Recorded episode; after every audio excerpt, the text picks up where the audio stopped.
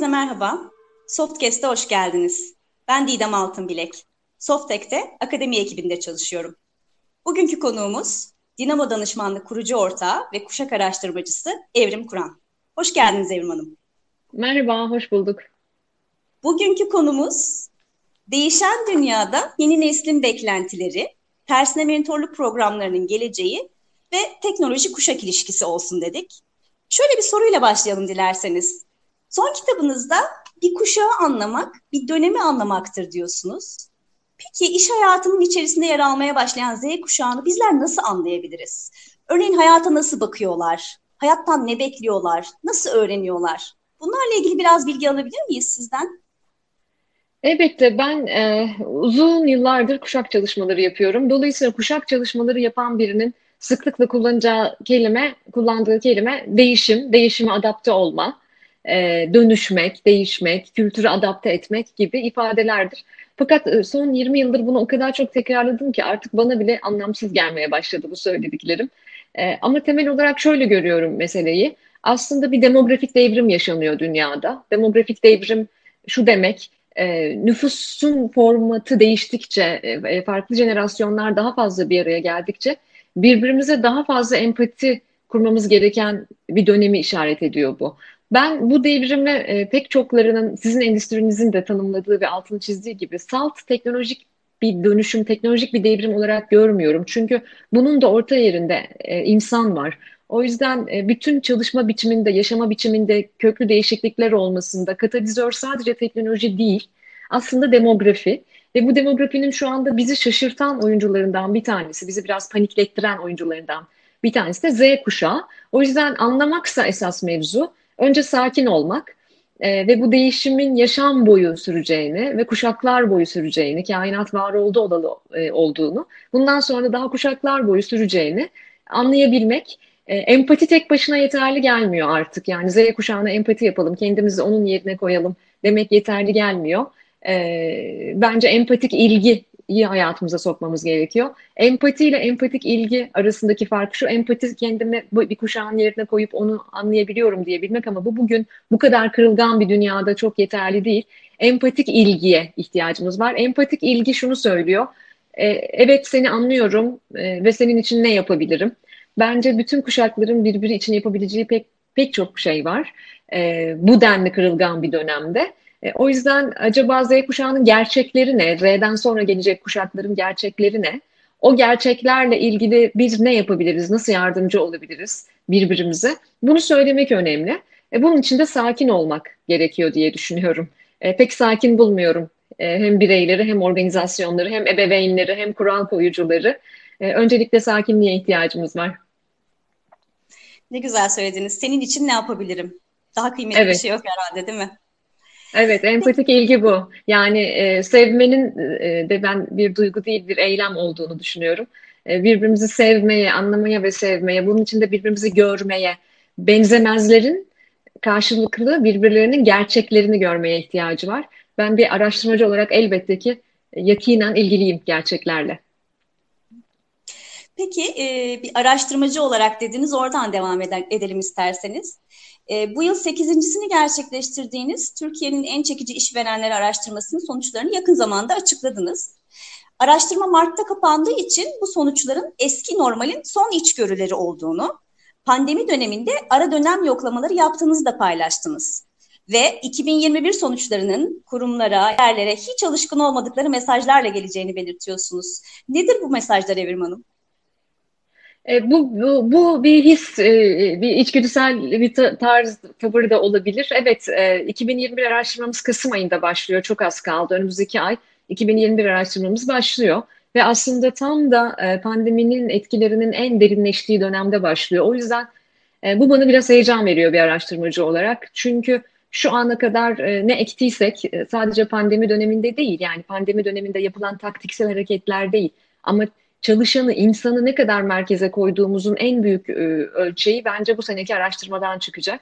Çünkü e, liderliğin e, olanca transparanlığıyla e, ortaya koyulduğu bir dönem yaşıyoruz. Gerçekten bu anlamda yeni normal bir dönem değil, oldukça anormal bir dönem yaşıyoruz. E, ben eskinin de zaten normal olmadığını düşünüyorum. Yani eski de normal bir dönem değildi. Dolayısıyla bu hiç normal bir dönem değil. O yüzden yeni normal değil de yeni bir norma ihtiyacımız var. Bu yeni normları acaba organizasyonlar ve liderler ne kadar iyi adapte edebilirler kendi yaşantılarına? Ee, örneğin ofislerden ayrılıp evlere geçince çok mu teknolojik şirketler olduk? Ee, her gün Zoom'la yaşayınca, kameralara konuşunca çok mu teknolojik olduk? Ee, teknolojiyi biz mi kullanıyoruz yoksa teknoloji mi bizi kullanıyor? Galiba yeni dönem araştırması en çok bize bunu söyleyecek. Daha insani mesajlar verecek bize. Çalışan zindeliği, insanların ruh hali, insanların e, birbirine daha kırılgan bir şekilde açık olması, e, ne kadar şeffaf iletişim oluşu olduğu, e, gibi gibi gibi birçok konularda içgörüler alacağız. Tabii ki bizim araştırmalarımızın katılımcılarının önemli bir kısmı öğrenciler ve öğrencileri çok ilgilendiren bir süreçten geçiyoruz. Biz hem üniversite öncesi hem üniversite sürecinde. Çünkü e, ben pandeminin e, özellikle Türkiye'de ekonomik bir kırılganlığın üzerine gelen özel bir süreç olduğunu düşünüyorum. Dünyanın diğer ülkelerinden biraz daha farklıyız biz. Ve pandemi aslında Türkiye'de varsılla yoksul arasındaki uçurumu da çok açtı. E, ve e, ben bu uçurumun özellikle de dijital bir uçurum olduğunu düşünüyorum. Türkiye'de e, şu an hanelerin yüzde 49'unda mesela sabit band geniş internet var. Hanelerin yüzde 37'sinde sadece e, e, kişisel bilgisayar var.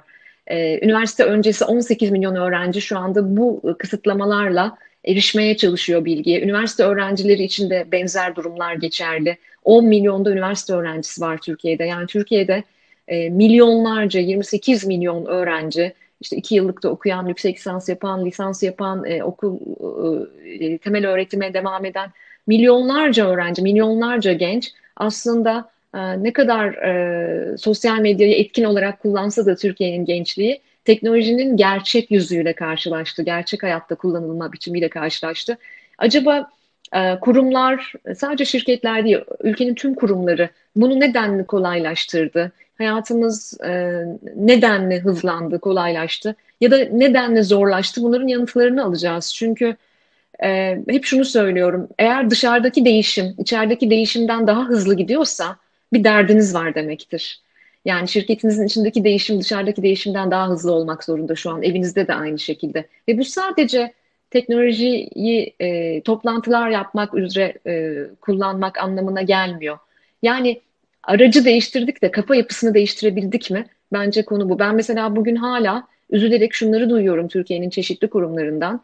Ee, çalışanlar bilgisayara ne zaman bağlandılar, ne zaman çıktılar, bilgisayar başında kaç saat kaldılar diye hala bunun hesaplarını tutuyoruz biz. Bu denli esnek olmamız gereken bir çağda. Dolayısıyla e, eski kafa yapısıyla ister teknolojik çalışın, ister evden çalışın, ister ofisten çalışın hiç fark etmez. Eski kafa yapısını koruyorsak Z kuşağı buna yanıtları verecektir bu araştırmada. Bakış açımızı değiştirmeliyiz biraz herhalde değil mi? Öyle temelde bu. Çünkü teknoloji bir kolaylaştırıcı olmalı. Öyle değil mi? Teknoloji insan için olmalı. İnsana rağmen teknoloji olmaz. İnsan için teknoloji olmalı. Bugün beni daha ümit var yapabilmeli teknoloji. Ee, beni daha iyimser yapabilmeli. Ee, beni gelecek güzel günlere dair daha güçlü kılabilmeli. Beni insanlardan ayrıştırmamalı, izole etmemeli, bilhassa birleştirmeli bana dünya vatandaşı olduğum hissini verebilmeli. E, bu yüzden sınırlara da başka gözle, başka bir biçimde bakabilmeliyiz. Teknoloji şirketlerinin e, başlı başına böyle bir sorumluluğu var tabii ki. Ama iş yapma biçimlerimize de bunu entegre etmek zorundayız. Nasıl? E, kendimizi nasıl gençlerin yerine koyacağız? Bir, onların yaşadığı dertleri bileceğiz. Bu çok önemli. Yani gençlerin yaşadığı ülkenin, şartların bağlamını bileceğiz ve o sorunları adres eden çözümler geliştireceğiz. Lider niye var ki? Liderin görevi bu. Lider kurumların da görevi bu. Peki e, aslında Softek olarak sizinle birlikte gerçekleştirdiğimiz hashtag NoFilter tersine mentorluk programımız var. Çok da verimli bir şekilde devam ediyor. Adından da anlaşıldığı üzere bu programla engellere takılmadan kuşaklar arasında açık ve samimi iletişim desteklemek istiyoruz. Bu programa katkılarınız için çok teşekkür ederiz öncelikle. İlerleyen zamanlarda tersine mentorluk programları yeni kuşaklarla gerçekleştirildiğinde ne gibi farklılıklar gözlemleyeceğiz? Programa etkileri ne yönde olacak sizce? E, öncelikle ben size teşekkür ederim. Çünkü e, tersine mentorluk programları yapan bütün organizasyonları bilhassa Türkiye'de, Türkiye bağlamında e, tebrik etme ihtiyacı hissediyorum. Çünkü Cesaret isteyen programlar bunlar. Gençlerin göstereceği cesaretten daha fazlasını kurumların üst düzey yöneticileri gösteriyor. Yani Softek'in liderlik ekibi e, biz böyle bir şey yapmak istiyoruz diye bir karar aldı e, ve bunu uygulamaya başladı. Bu bir cesaret adımıydı. Çünkü peki ben önceden bildiğim ve artık işe yaramayan şeylerin bir kısmından vazgeçebilirim niyeti ortaya koymaktır bu. Yani tersine mentorluk sadece gençleri çağırayım da bana işte dijital kanalları, yeni sosyal medya platformlarını anlatsın demek değil.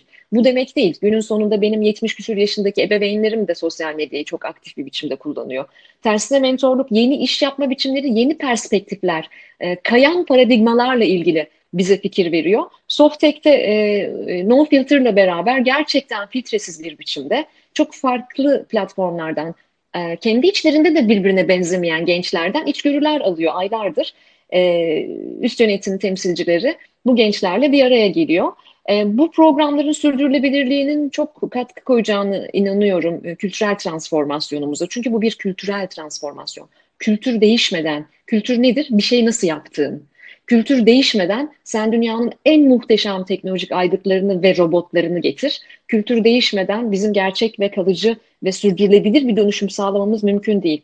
Gençlerin bu anlamda söyleyecek sözü var. Softek hatta e, daha da ileri giderek sadece Softek çalışanlarını almadı programa. Bunu da vurgulamam lazım.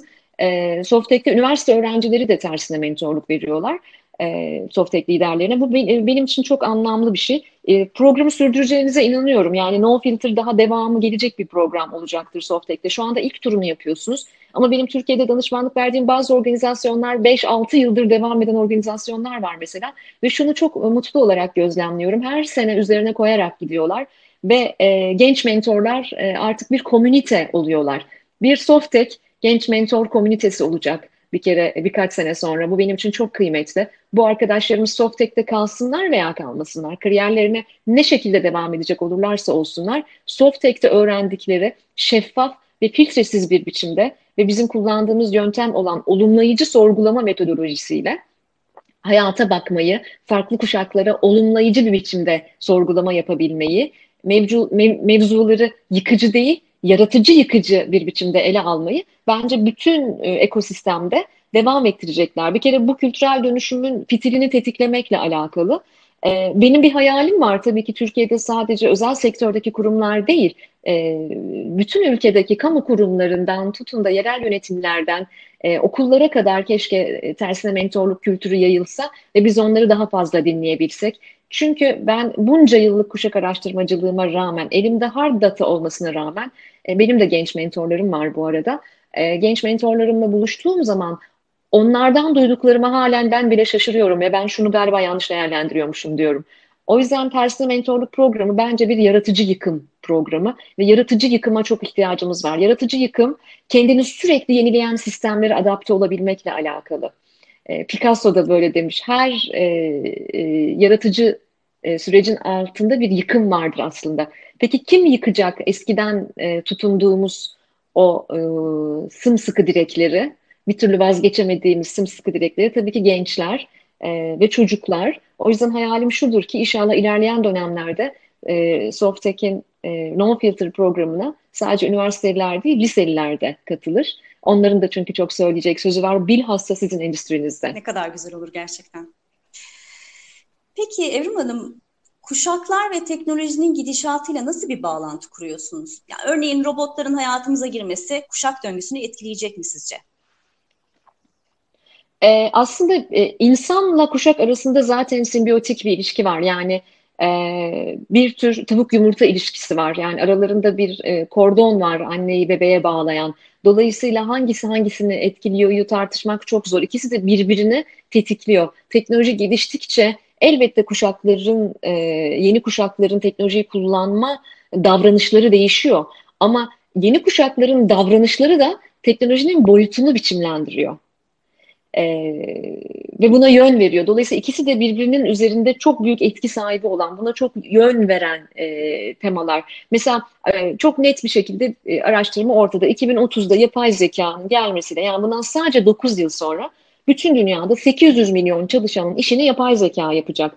Şimdi buna verdiğimiz e, tepkiler, bu duruma verdiğimiz tepkiler bile kuşaktan kuşağa değişiklik gösterebilir ve teknolojiyi kullanma biçimlerimizi de değiştirebilir. Ben bir ex kuşağı olarak yani 44-45 yaşına gelmiş bir birey olarak eski kuşaktan biri olarak yani teknolojik çağının göçmeni olarak yerlisi değil göçmeni olarak şöyle düşünüyorum bunun içinde fırsatlar olabilir. Yani 800 milyon e, çalışanın işini elinden alacak teknoloji beni işsiz bırakacak diye görmek yerine acaba bana ne gibi yeni fırsatlar açacak diye görebilirim. Ama şöyle görebilirim.